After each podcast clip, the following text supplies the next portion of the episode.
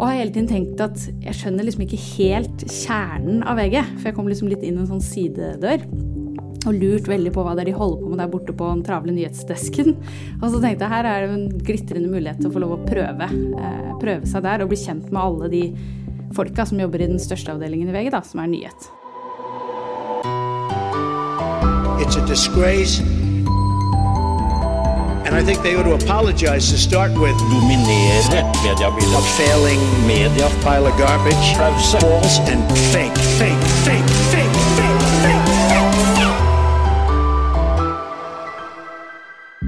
Hei og velkommen til en ny episode av Presspodden. Mitt navn er Jan Magnus Weiber Ørdal, og nå har jeg tatt turen til VG-huset i Skipsstedbygget i Oslo og skal snakke med VGs ganske nyslåtte nyhetsleder Helle Skjærvold. Velkommen til Presspodden, Helle. Tusen takk skal du ha. Vi skal snakke mer med deg om eh, nyhetsjournalistikk, breaking og podkast, VG osv., osv., men aller først en liten reklamepause. Ønsker du å annonsere i Pressepodden? Kontakt oss på annonse at medie24.no. Ja, Helle Skjærvold. Eh, som nevnt i introduksjonen, du gikk da eh, for et par måneder siden fra jobben som podkastsjef i eh, VG til nyhetsleder, eller leder for nyhetsavdelingen i VG. Vi skal komme litt tilbake til hva det egentlig er, for det lurer jeg litt på sjøl. Det er midlertidig. Det er veldig mange foreldrepermisjoner i VG-redaksjonen. Eh, men du skal ha det nå en stund framover, eh, og har vært det nå i to måneder. Hvorfor ville du bytte ut podkast med nyhetsjournalistikk, da? Det ærlige svaret på det var at det ville jeg jo ikke. At jeg hadde det superspennende på podkast. Kan bare anbefale folk å jobbe med podkast for de som ikke har prøvd det. Det er det absolutt morsomste, tror jeg, å jobbe med innafor journalistikken. Men som du sier, da, så er det jo en haug med småbarnsforeldre som er mellomledere mellomleder i VG.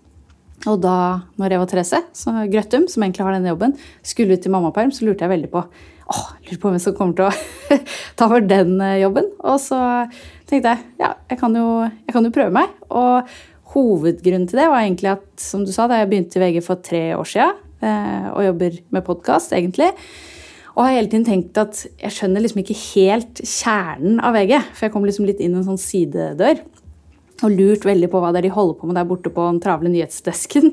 Og så tenkte jeg her er det en glitrende mulighet til å få lov å prøve, eh, prøve seg der og bli kjent med alle de folka som jobber i den største avdelingen i VG, da, som er nyhet. Så det var egentlig hovedmotivasjonen fra min side.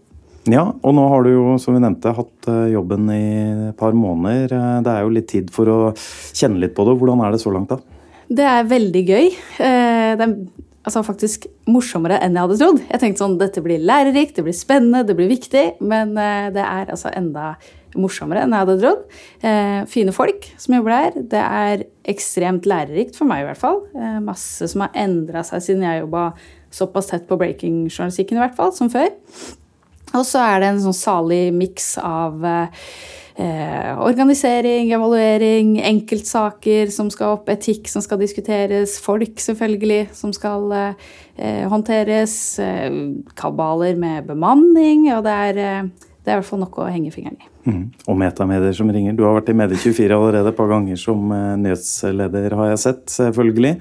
Um, eh, bare lurer på, Du nevnte jo eh, altså Du sitter jo, bare for å ha det klart her, du sitter nå på nyhetsgulvet. Eh, Breaking-desken ved, ved nyhetsdesken.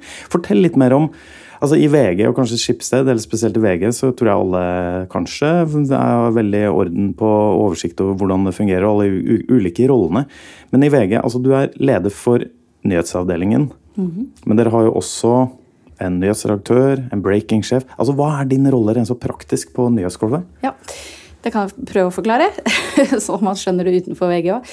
Nyhetsredaktøren eh, Tora sitter jo i redaktørkollegiet og har eh, etikkansvar eh, i de sånn, vanskelige sakene som jeg er nødt til å ta helt til henne. Og har en haug med andre arbeidsoppgaver som jeg heldigvis slipper å styre med. Og så har vi et korps med det vi kaller nyhetssjefer. Som er de som har det daglige gjennomlesingsansvaret, altså liksom reportasjeledelsen for enten breaking-desken, politikk, krim eller aktualitet, som vi kaller Irix og Urix hos oss. da. Så det er jo de som sitter tettest på reporterne og jobber med manus.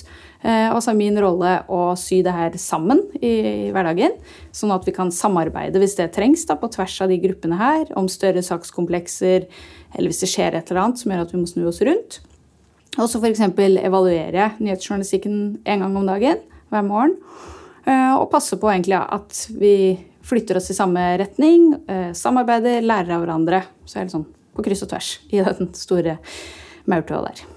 Hva er den største forskjellen da? Fra, du har nevnt noe her allerede, men eh, fra podkastsjefjobben? Det er to ganske forskjellige roller. For det første så er jo pod-avdelinga en av de minste og nyeste avdelingene i VG, som har et ganske sånn klart eh, innovasjonsmandat. Da. Det er jo å finne opp podkaster eller formater som vi ikke har jobba med før. Så det er jo en helt annen type utfordring da, enn å jobbe i nyhetsjournalistikken. Eh, og så er jo det fine med å jobbe med podkast er at man ofte leter etter de historiene som er på sida, de som ikke er blitt fortalt. eh, Eller at man går inn i sakskomplekser som kanskje er dekka veldig bredt, men hvor den ene personen eller den bakenforliggende historien ikke er fortalt. Eh, Så du jobber nesten litt sånn motstrøms, kanskje, i forhold til f.eks. For på breaking, hvor du jobber mye mer konkurranseutsatt om å vinne liksom, dagens store sak. Da. Så det er veldig forskjellig, men jeg tenker jo at eh, det å snu og vende litt på eh, Er det denne historien vi skal begynne med? Er det her i historien vi skal begynne? Er det en annen karakter i det komplekse som vi kanskje heller burde hørt fra? Den typen jobbing som vi gjorde veldig mye på podkast. tenker at det har mye for seg i vanlig altså tekstbasert nyhetsjournalistikk òg, da. Mm. Er det andre ting du tar med deg, da? Du nevner jo noe der. veldig interessant. Er det andre ting du tar med fra podjobbinga og erfaringen du har der de siste tre årene til nyhetsdesken og nyhetsgolvet? Ja, det håper jeg jo. Jeg lærte veldig mye av kollegaene mine på pod. Da. De er jo ekstremt flinke historiefortellere og kreative folk. Um, så jeg tar med masse eh, hva skal jeg si, knep fra pod.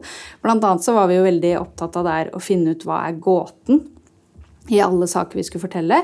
Ikke at alt skal være en krimgåte, men vi tror at for å få eh, lytterne med deg, da, få det liksom om bord på, på den historien du skal fortelle, så må du være ganske tydelig på hva er det egentlig folk lurer på her, og så må vi klare å svare på det.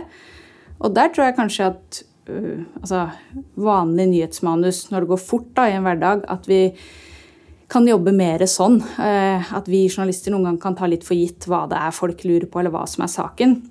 Men å gå de ekstra rundene og faktisk prøve å finne ut hva er det som er motoren til at folk bryr seg veldig om ja, den saken som til enhver tid er i nyhetsbildet. Da. Det er i hvert fall noe jeg håper og tror at jeg kan bidra litt med her. da. Og kanskje finne de litt andre inngangene, andre historiene, da, som ikke alle andre konkurrentene følger. Hvis Ja. det er veldig sånn nyhetstrøkk eksempel, på noe som alle er på. Ja, og det er, Ikke at det er noe podkastavdelingen i VG har funnet på. Vi gjør det jo masse fra før eh, i nyhet. Og vi ser jo ofte det at det å ta ett skritt tilbake eller ett skritt til side eh, er, det ikke så dumt. Uansett hvor man jobber. Du har, som jeg har nevnt nå, eh, vært podkastsjef da i tre år, og er vel også utdanna innen radiojournalistikk, så mye lydut, eh, lyderfaring. Men du har jo tidligere nyhetserfaring også, da, fra Aftenposten, journalist, korrespondent osv. der. Eh, men det er jo noen år siden nå. Har du savna nyhetsgulvet? Kjente du det på litt det når du kom, kom tilbake på desken? I høyeste grad. Jeg har syntes det har vært tortur hver gang det har vært et valg eller en eller sånn stor nyhetshendelse, å sitte liksom på sida av det. Eh, Så det kjennes veldig, veldig meningsfullt å få lov å være tilbake i det. Og det gir jo liksom umiddelbart energi å få lov å være med på ja, de store sakene. Og man gjør jo det på podkast òg, men det er jo noe med at det tar, man jobber i et litt annet tempo fordi man må redigere osv. Så, videre. så nei, det syns jeg er helt strålende å være tilbake der. Det er alltid en litt spesiell stemning på breaking-deskers, garantert også på VG. Du, kjenner du på den pulsen og kjent litt på det allerede nå, vil jeg tro? Ja, den eh, prøver jeg å kline meg på så best jeg kan hver dag. Fra jeg kommer inn døra, så er jeg sånn Hva skjer? Hva skjer? Eh, Jeg syns det er veldig veldig morsomt å få sitte tettere på det. Og så er det jo å få den breaking-pulsen, som vi kaller det i VG, til å smitte mest mulig utover i organisasjonen. Da. Jeg tenker det er, eh, det er viktig å få til, fordi nesten alle er jo enige om at det å ha breaking-vakter, for det går jo alle nyhetsjournalistene i VG innimellom, det er veldig gøy. Da er du veldig påkobla. Eh, og så tenker jeg at eh, da kan man jo ta med seg den farta og den entusiasmen eh, inn i andre deler av huset. Eh, da du begynte i VG, eller ble henta til VG fra Google Norge da, for tre år siden, så sa du til oss at eh, noe av det du, hovedgrunnene til at du ville ha jobb, var for at du hadde savna journalistikken så mye. Eh, føler du på en måte at du kommer enda nærmere den litt sånn praktiske Altså Var det nyhetsjournalistikken du mente da, eller var det mer sånn overordna? Fordi du har jo aller høyeste jobba med journalistikk også på podkastavdelingen. Men nå kommer du jo nærmere den sånn praktiske desk-journalistikken, klassiske journalistikken, hvis man kan kalle det det i 2023. Eh, hva tenker du om det? Nei, jeg- i hvert fall for min del da, eh, kjente jeg jo at selv om det var veldig spennende å jobbe eh, i Google, så kjente jeg umiddelbart at jeg var på, var på feil sted. At det, er, eh, altså det beste i verden er å jobbe i en redaksjon. Det måtte jeg være litt ut for å fullt ut skjønne. Og det må ikke være på en breaking desk. Jeg syns det å jobbe i Altså den friheten man har, den, det samarbeidet man har, den kreativiteten som man har, enten det er i podkastavdelingen eller her, da, det er Jeg tenker at vi må bare klippe oss i armen som får lov å gå på jobb hver dag og ha det, og få lov å ikke minst jobbe i Norge hvor det er så relativt sett da, enkelt å få folk i tale. Altså Nesten uansett hva slags problemstilling vi identifiserer på morgenmøtet, så får du faktisk tak i folk, og du kan på en måte bruke den nysgjerrigheten og det oppdraget og ta det ganske langt unnskyld, hver dag. Så det var egentlig det jeg savna, det fikk jeg veldig eh, umiddelbart tilbake i podkastavdelingen. Mm. Og nå har du nyhetspulsen litt eh, Ja. tilbake også. Um, litt mer om podkast, eh, selvfølgelig. Eh, det er veldig meta å snakke podkast i en podkast med en podkastsjef. Eh, veldig bra. Eh, du har jo vært podkastsjef i eh, VG i tre år. em, og skal i utgangspunktet tilbake til den jobben mm. etter, eh, etter en eh, foreldrepermisjon og sånn er, er, er eh, unnagjort her. Eh, Du har tatt ganske mange store grep, tydelige grep. Eh, Var veldig åpne om det også, at dere tok grep eh, ganske raskt eh, for å styrke, løfte og endre podkastsatsinga til VG. Flere titler, mer variasjon. Eh, Også lagt merke til at dere har eh, hatt en ganske tydelig retting mot unge eh, brukere. Uh, ja, Oppsummere tre år er ikke så lett å gjøre i en kort podkast på 20-25 minutter. Men hvis du skal si noe om hvordan de tre årene har vært, hva, mm, altså, hva var veldig viktig for deg? da? Hva har vært det viktigste for deg for å bygge opp denne nye podkastsatsingen de siste tre årene? Du oppsummerte jo litt eh, noen av grepene vi har tatt der, da. Men eh, da jeg kom inn, så var jo eh, podkast fortsatt på et litt sånn utprøvingsstadie VG, vil jeg si, og flere andre medier. Og så har jo de siste tre årene gjort det til en stor og viktig satsing i veldig mange mediehus. Og man har ofte også i samme periode blitt opptatt av å finne en eller annen form for lønnsomhet i det. Så det var liksom et dobbelt oppdrag vil jeg si, da jeg begynte her. Det ene var at vi måtte finne som jeg var opptatt av, de podkastene som VG har best forutsetninger for å lage. Altså, da så man kanskje litt til USA, og alle hadde en eller annen favorittpodkast som man gjerne kunne tenke seg å lage. Men vi prøvde heller å vende blikket innover og tenke liksom, hvilke stemmer er det vi har som ingen andre har. Eh, en type Øystein Millie da, i Krimpodden f.eks. Eh, eller hvilke stoffområder, ja, som også krim da, eller underholdning, er det vi i VG har et sånt sakseierskap til. Så å på en måte lete innover etter de riktige titlene istedenfor bare å ønske seg eh, et eh, Daily Show eller Ezra Klein-show eller hva det måtte være. Det var jo det ene vi gjorde. Så det var masse idémyldring og prøving og feiling og piloter der. Og så var det å vurdere i ganske kjapt tempo om vi hadde mest tro på brukerbetaling eller annonsefinansiering. Så der snudde vi jo på en måte hva blir det, 180 grader eh, ganske kjapt og gikk for det ene av de to, da. Ønsker du å annonsere i Pressepodden?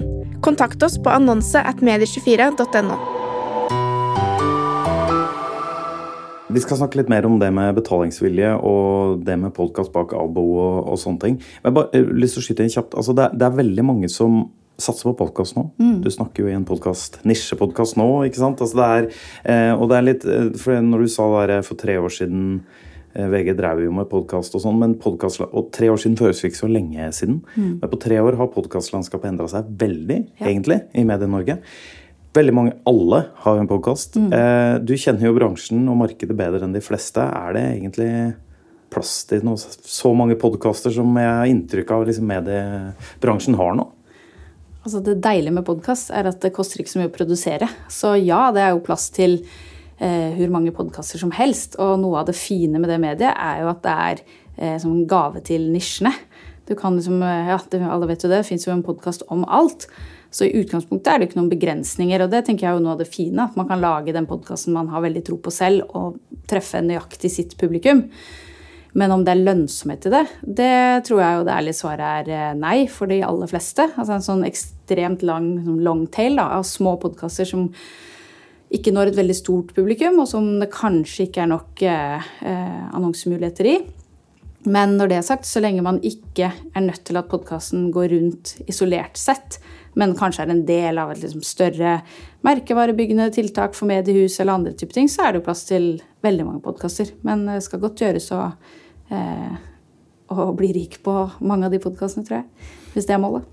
Eh, men betalingsviljen, du var inne på det. altså Eh, Schibsted har jo forsøkt egensatsing, eh, eh, som har jo fått mye omtale, og, og, og med mye penger bak. Mm.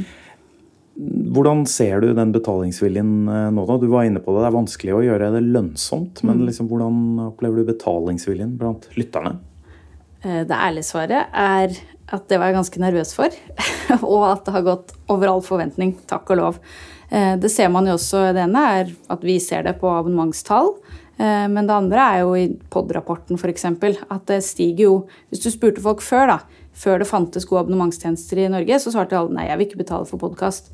Men nå, etter at folk har vent seg til det, så går det tallet oppover. Eh, og jeg, det ser jo ut som folk ser verdien i det. da.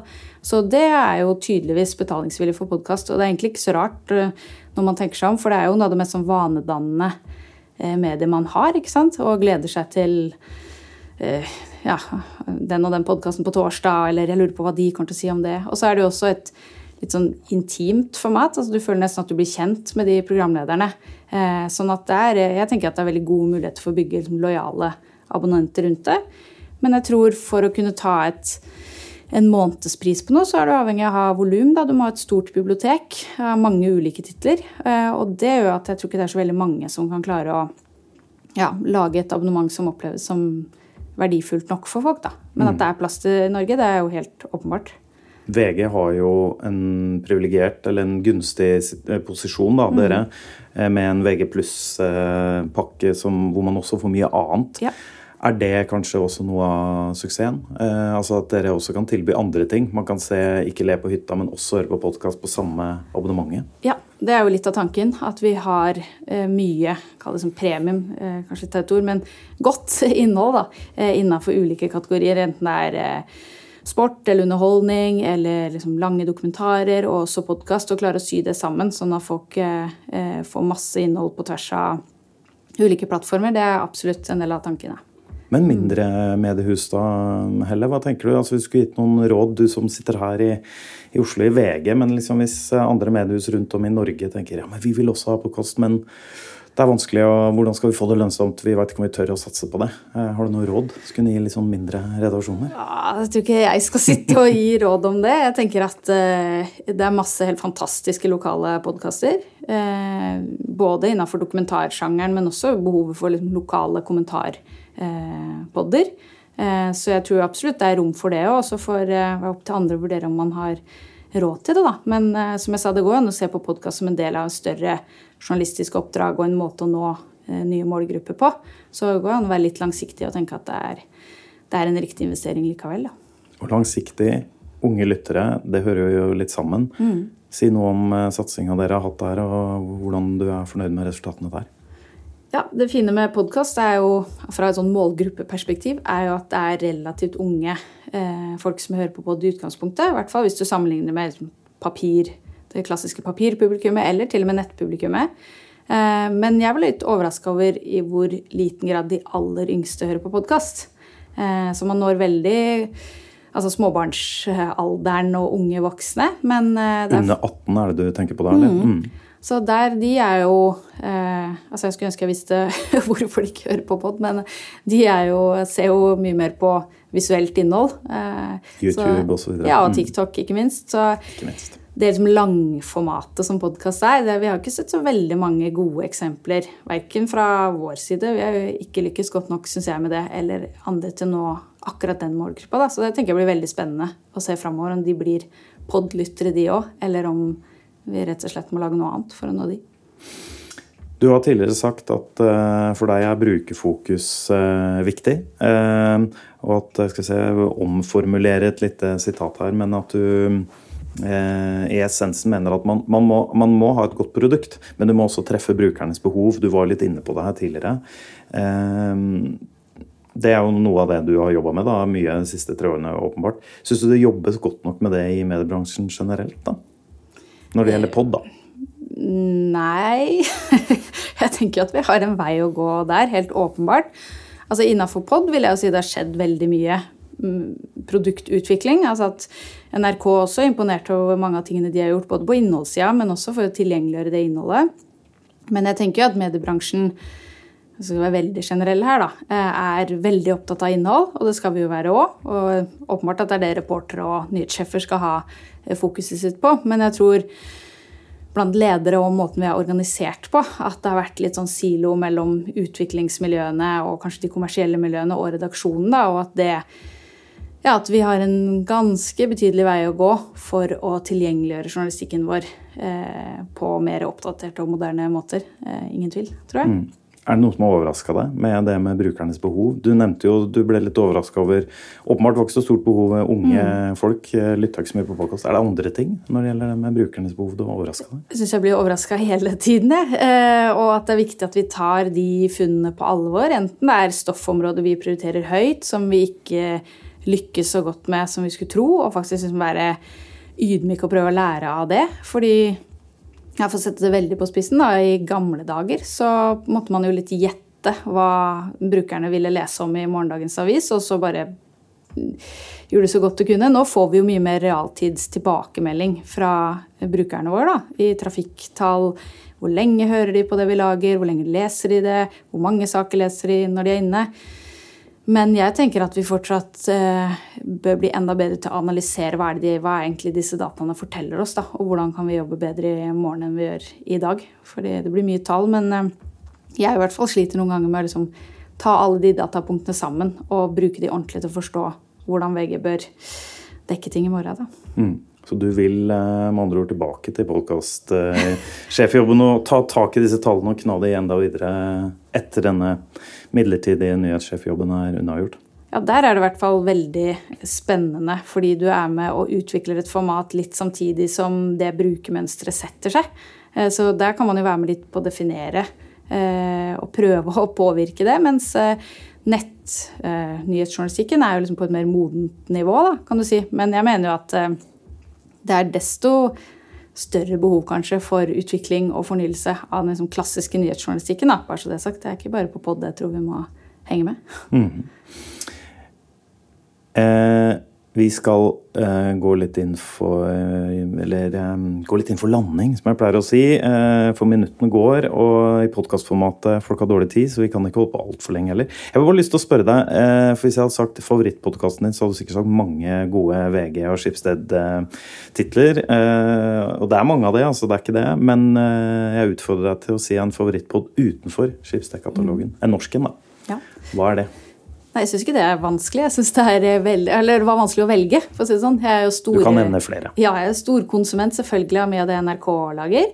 Eh, men så tenkte jeg på en pod som jeg har hørt på i mange år, eh, og som er sånn En av grunnene til at jeg elsker podkast, som jeg sa i stad, at du kan snakke veldig nisjete til akkurat meg. da, og Det er en podkast som heter Mamma jobber, som Freemantle Media har laget. hvor hun Mira som er programleder og produsent der, er veldig flink. Og det er jo en sånn type podkast som jeg vil tro er helt uinteressant da, for alle som ikke er mamma og jobber. Men for meg som har vært det da, de siste seks årene, så har det vært eh, et veldig godt eksempel på en podkast som, som, treffer spikeren på huet da, på mine behov. Og så føler man at man er liksom del av en gjeng da, som hører på den poden og får relevante tips fra andre eh, travle mammaer som får det til å gå rundt på jobb. Så den, for eksempel, så er jeg også veldig imponert av eh, Vrang Produksjon, Kristine Danke sitt selskap. Fordi jeg vet litt om måten de jobber på. og som du var inne på, da, ja, det satses, og det er liksom, Enkelte miljøer har større muskler til å gjøre det. da. Men det er et bitte lite produksjonsselskap som med hjelp av helt sånn eh, hjemmesnekra metoder lager noen av de beste podkastene i, i, Norge, som jeg tror både vi og NRK kan være misunnelig på. Så alt fra Ida med hjertet i hånden til eh, Jeg skulle ønske jeg visste, som de lager fra Podmes. Det er helt eh, ypperlig. Eh, pod laga av flinke ildsjeler. Mm -hmm. Eh, helt til slutt et uh, spørsmål. Vi, har, vi, vi tror vi skal rekke en liten uh, spalte her med fire kjappe spørsmål. som vi pleier å ha, Men jeg har lyst til å stille deg ett spørsmål før det, Helle. Og det er, som vi nevnte her, Du begynte jo i VG da for eh, fire, uh, tre år siden. Kom du fra jobben som kommunikasjonssjef for Google Norge i eller for Google i Norge, eller Google Norge, som man også kan si. Eh, Da forlot du jo kommunikasjonsbransjen eh, for journalistikken, og, men det var kanskje litt mer interessant. Du forlot jo også en av de såkalte big tech-selskapene, som veldig mange i mediebransjen og enkelte mediepolitikere også er veldig opptatt av. Mm. Nå er det mange år siden du var der. Men hvordan er ditt syn på big tech og konkurransen, eller i noens øyne trusselen, de utgjør for norske mediebransjen nå? Ja, det er jo Nå er vi mot slutten av podkasten, for det er jo et stort tema. Da, må jeg bare begynne med å si. Og jeg tenker at For det første så er jo big tech ikke én ting. Jeg tenker at det er helt ulike problemstillinger sånn sett fra et konkurransehensyn da, i norsk mediebransje mot de ulike aktørene. Altså TikTok, Google, Facebook, eh, Snap.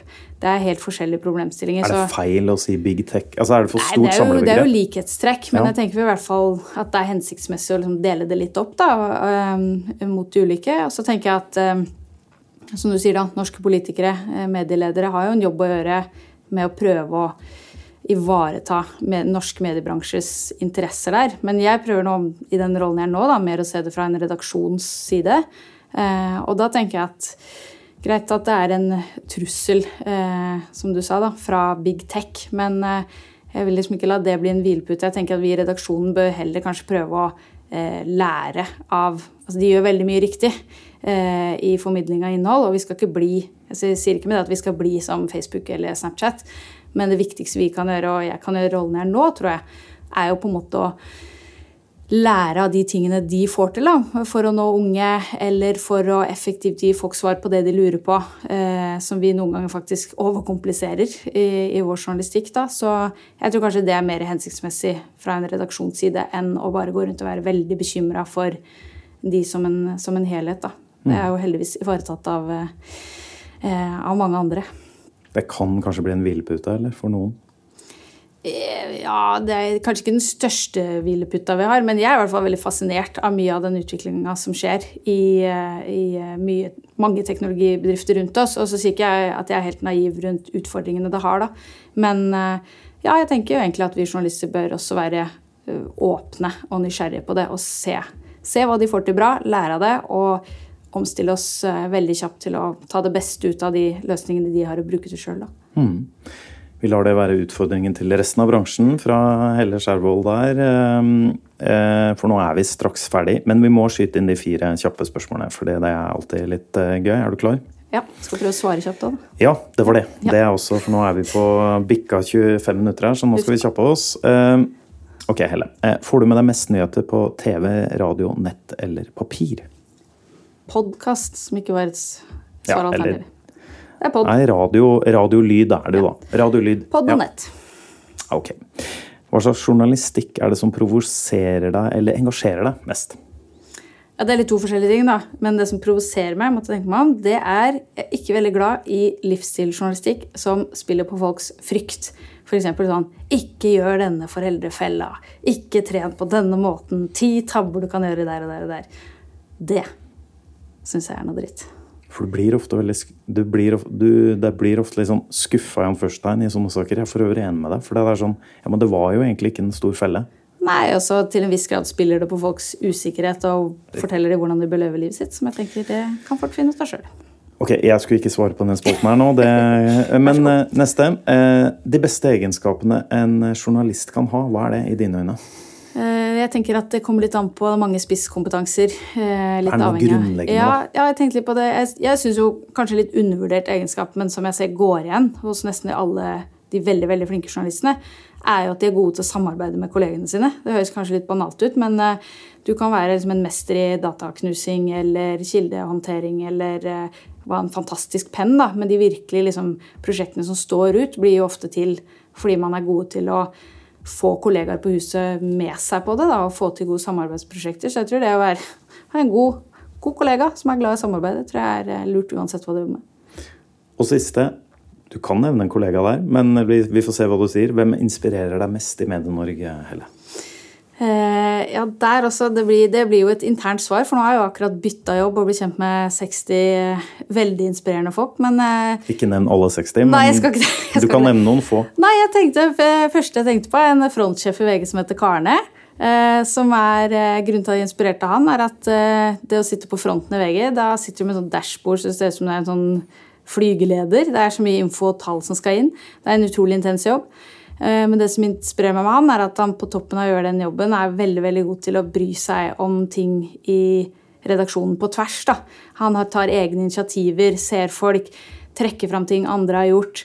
Eh, altså, så det som inspirerer meg med han, er at alle i VG har veldig krevende jobber, men det er mange som klarer og evner å bry seg og engasjere seg i ting som ikke er foran sin nesetipp hver dag. Og han er veldig godt eksempel på det.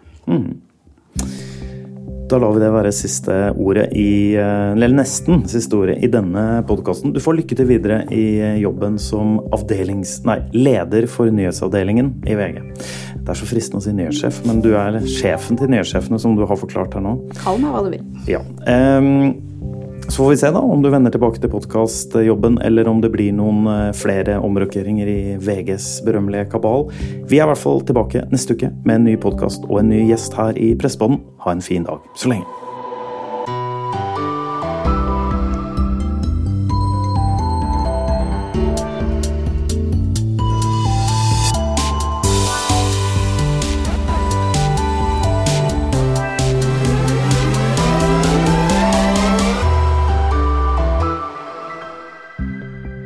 Ønsker du å annonsere i Pressepodden? Kontakt oss på annonse at medie24.no.